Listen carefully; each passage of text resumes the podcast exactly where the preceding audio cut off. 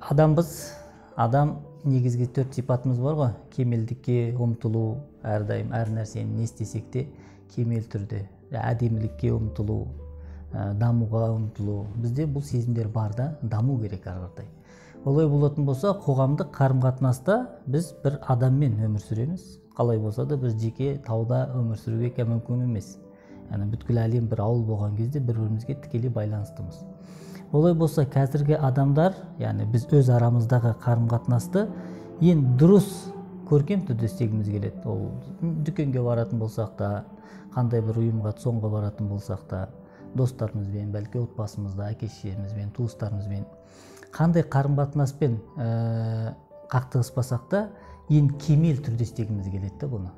Дұрыс ұят болмасын дегендей ғой олай болатын болса әрбір істің өзіне тән бір өлшем бірлігі бар дұрыс өлшем бірлігі өйткені нәтижесінде алла тағала бәрімізді жаратты жаратқаннан кейін белгілі бір қағида қойды сол қағидаға сай амал етілетін болса ол амал дұрыс болып саналады оған қайшы келетін болса ол бұрыс болып саналады енді бүгінгі тақырыбымыз ақиқи өлшем жалпы ол не ол қалай бұл мәселе құранда алла тағала не дейді бұған қатысты хадисте пайғамбарымыз саллаллаху не дейді құранда аузубилля әл уәзну яума әл хақ деген аят бар қиямет күні яғни қиямет адамзаттың барлығы бұл дүниеден болып қияметте қайтып махшарда тірілген кезде бір уәзін бар дейді бір таразы бар дейді ол ақиқат таразысы дейді енді бәрімізге белгілі қария сүресі бар ғой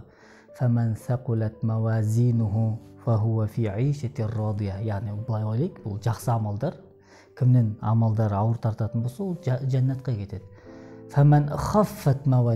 дейді ал кімнің бұл амалы жеңіл болса дейді бұл деген үлкен бір сабақ бар мына арада неғып алла тағала былай да айтса болар еді кімнің жақсылығы ауыр тартатын болса ол бір жәннатта өмір сүреді ал кімнің ә, күнәсі ауыр тартса деп айтпады да не деді кімнің жақсылығы жеңіл болса деді яғни бұл да белгілі мына тарапы ауыр басып кетті деген сөз да бұл бір үлкен бір қағида бар исламда негіз болып саналатын ол жақсылық та. Айтылу керек болған жақсылық мәселе да жаманшылыққа тіпті көңіл бөлінбеу керек. Енді қазір біздің баннерларымыз бар рекламдарымыз бар. Көп жағдайда жақсылықты насихаттайтын болса интернет алаңында телевидениедағы шоулар ә, барлығы құдайдың осы қағидасына осы таразбен өлшеп тек қана жақсылық насихат етілетін болса онда жаманшылық ол белгілі болады. Сөйленбейтін нәрсе ол не болады? Жаманшылық болады. Олай болатын болса адам әу бастан неге көңіл бөлу керек? Жақсылыққа көңіл бөлу керек. И бұл жақсылық асылында қияметте өлшенетін де сол. Мысал ә, бір амал істедік делік ә, қарым қатынаста мысалы ә, бір жұмысшы жалдадық сотрудниктарым бар делік бір он адам ай бітті зарплатаны созып бермей қойдық та. Анау дедік мынау дедік ананы сылтау еттік мынаны сылтау еттік. Бәлки бермей қойдық мүлдем. Бұл мен бір қарым қатынасым болды делік бұл дұрыс па? Қаншалықты дұрыс? Шариғатта енді хадисте белгілі ғой ә, адамның тері кеппей тұрып оның ақысын беру мәселесі бар. Ақиқи өлшем осы да. Бір адаммен жұмыс істейсің ба? Белгілі бір қызметке келістің ба? Ол қызмет біткен кезде тері кеппей бұл не деген сөз? Киная ғой. Астарлы мағына яғни бірден. Мүмкін болса сол істің буы кетпей тұрып бірден өтелген жақсы да. Құны оның келіскен ақшасы. Ақиқат өлшем осы да қарым қатынаста ал егер оны созып бермей жүрсек бұл амалды ғой нәтижесінде. Создым бермедім бәлки лақтырдық делік. Ә, мүлдем төлемей қойдық ә, нәтижесінде не болады? Қиямет күні барамыз бір амалымыз бар. Таразға салайық десек өлшенбейді олай болатын болса біз дүниеде 24 сағатымызда тәулігімізде қандай амалды қандай өлшем бірлікке сай істеп жүрік? Осы маңызды. Өйткені егер ол ақиқат өлшем бірлікке үйлеспесе қияметтегі жақсылық таразысына ол түспейді. Яғни ол амал жоқ болып саналады да. Яғни бір тонна ә, құм төгудің орнына сен айтасың маған ә, мың киловатт құм керек дейсің да. Оны ешкім сен ол заказыңды орындамайды ғой. Интернетке бәлки жаздың делік маған мың киловатт ә, құм кім төгіп береді? Ешкім төкпейді неғып олай өлшенбейді ол. Тура сол сияқты. Қияметте де белгілі бір амалмен барамыз. Алла тағаланың құзырына тек орада амалымыз таразға түспейді да. Неғып асыл ақиқат болған өлшем бірлікке сәйкес болмаған. Енді онда сұрақ туындайды. Ақиқи өлшем бірлікті қайдан аламыз? Қайдан білем? Мен туыстық қарым қатынаста өлшем бірлік не екен? Қазіргі өлшем бірлік былай ғой маркетинг қой. Мен мысалы айтайық ә, қонаққа барайық да егер ол келетін болса мен барам да. Егер ол сыйлық әкелген болса өткен бір келген кезде мен де бір сыйлық апарам деген мәселе бар. Туыстық қарым қатынаста ол қал жағдайым сұраса наурызбен құттықтаса бәлки оразамен құттықтаса мен де құттықтаймын деген. Бұл ә, туыстық қарым қатынасты біз маркетингке салып өлшей бастадық. Бұл өлшене ме асылында? Хадисте не дейді? Пайғамбарымыз айтады ғой сен менің тіпті қарым қатынасты үзген адаммен сен ә, қарым қатынасты түзеу керексің. Өлшем осы да? Немесе ахмад ибн хамбал ә, риуаят еткен хадисте лейса силату бил мукафи туыстық қарым қатынас мукафи деген яғни ол келді мен барам деген мағынада емес дейді. Шынайы туыстық қарым қатынас ол сенімен тіпті үзсе де сен онымен қарым қатынас істеу керексің. Мәселе осыда өлшенетін. Олай болатын болса әр істің бұл біз туыстық қарым қатынасты айттық қой немесе жаңа қызметші мен басшының ортасын айттық.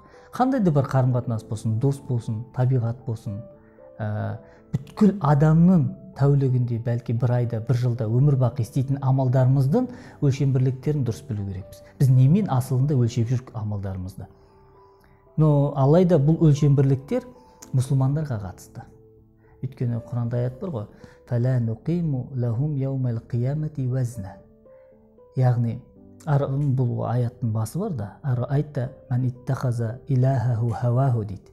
Сен көрдің ба дейді. Өзінің ә, иләһін өзінің құдайын өзінің нәпсін қалауларын құдай ретінде қарайды да мен осылай қалаймын болды дейді. Да адамдар санасын дейді. Яғни адамның негізгі өлшем бірлік өзі деп ойлаған кезде қатты қателеседі. Бұл менің ойым дейді да. Е сенің ойың түсінікті да. Ол сенің асылында нәпсінің мәселесі ғой. Мысалы делік жаңағы қарым қатынаста қызметкер арасында немесе жолда көп жағдайда шоферлардың арасында болып қалады. Ол мені қиды мен де қырсығып алдына тұрып алдым. Ол сенің нәпсің айтып тұр олай. Бәлки ол асығып тұрған шығар. Бәлки басқа бір себептер болған шығар біз біле алмаймыз ғой асылын. Тек асылын бұл таразы қияметтегі мұсылмандарға болады. Ал ақыретке иман етпеген құдайды жоқ деген бәлки алла тағаланы мойындамай пайғамбарларды мойындамаған адамға бұл таразы болмайды. Яғни бұл ақиқи өлшем бірлігі мұсылмандарға қатысты. Алайда қазіргі таңда біз қандай өлшем бірлікпен өмір сүріп жатырмық өзімізді мұсылман деген күнде де ә, біз кәпірлердің өлшем бірлігіне саламыз да қарым қатынастарымызды ә, дастархан әдеуі болсын ә, отбасылық қарым қатынас болсын ә, жұмыстағы әріптестермен қарым қатынас болсын мына сырттағы мына фейс мәселесі киініп қоғамда жүру мәселесі біз шынайы бір мұсылманшылыққа салып жүрік па? Мұсылманбыз дейміз ғой намаз оқимыз ораза құдайға шүкір ұстаймыз. Тек өмірлік өлшем бірліктеріміз кейбір жағдайларда делік бәлки кәпірлердікі да алдыға үстем болып кеткен. Біз өзіміздің мұсылманшылық өлшем бірлігімізді қою керекпіз. Жарайды өзімізді мұсылман деп атап ә, осы асыл болған өлшем бірлікке сай амал етпесек қиямет күні ол амалымыз жоқ болады да. Болды ол амал болмайды. Неғып біз өзіміздің нәпсімізді құдай деп санадық. Өзімнің қалауымның ә, қағидасына ердік. Алла тағаланың айтқанын емес өзімнің шайтани бір ә, сезімдерінің артынан еркеттік та. И бұл амал жоқ болып саналады. Қиямет күні таразыға түспейді. Онда нәтиже не болады? Онда жақсылық амалдарымыз ауыр бола ма жеңіл бола ма? Мәселе сорада белгілі болады да. Олай болатын болса жалпы өмірде ә, өлшем бірлік мәселесінде білу керекпіз әр іс өзіне тән өлшем бірлігі болады. Әр істің. Бұны шатастырып керек жоқ.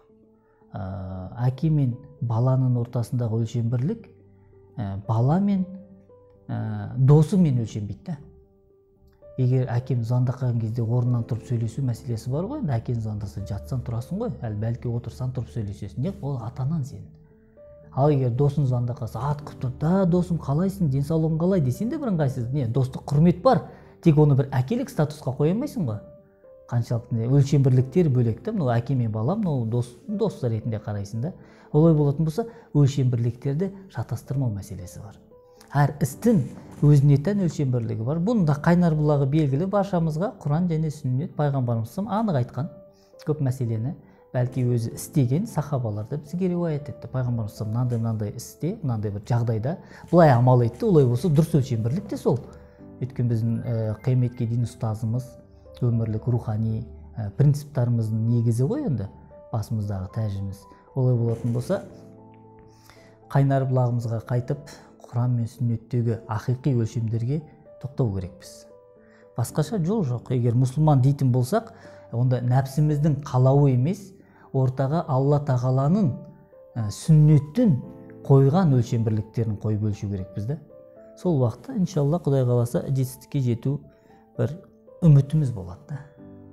Бұл дүниеде де дұрыс өмір сүріп адами қарым қатынастарды реттеуге қиямет күні алла тағаланың құзырына барған кезде де ұят болмайтын деңгейде яғни ұялмай амалдарымыз бар күйде ә, жүздесуге нәсіп болады. Олай болса ақиқи өлшем бірлікті әр істің өзіне тән болатынын білейік және сол шеңберде өлшеуді құдай тағала баршамызға нәсіп етсін.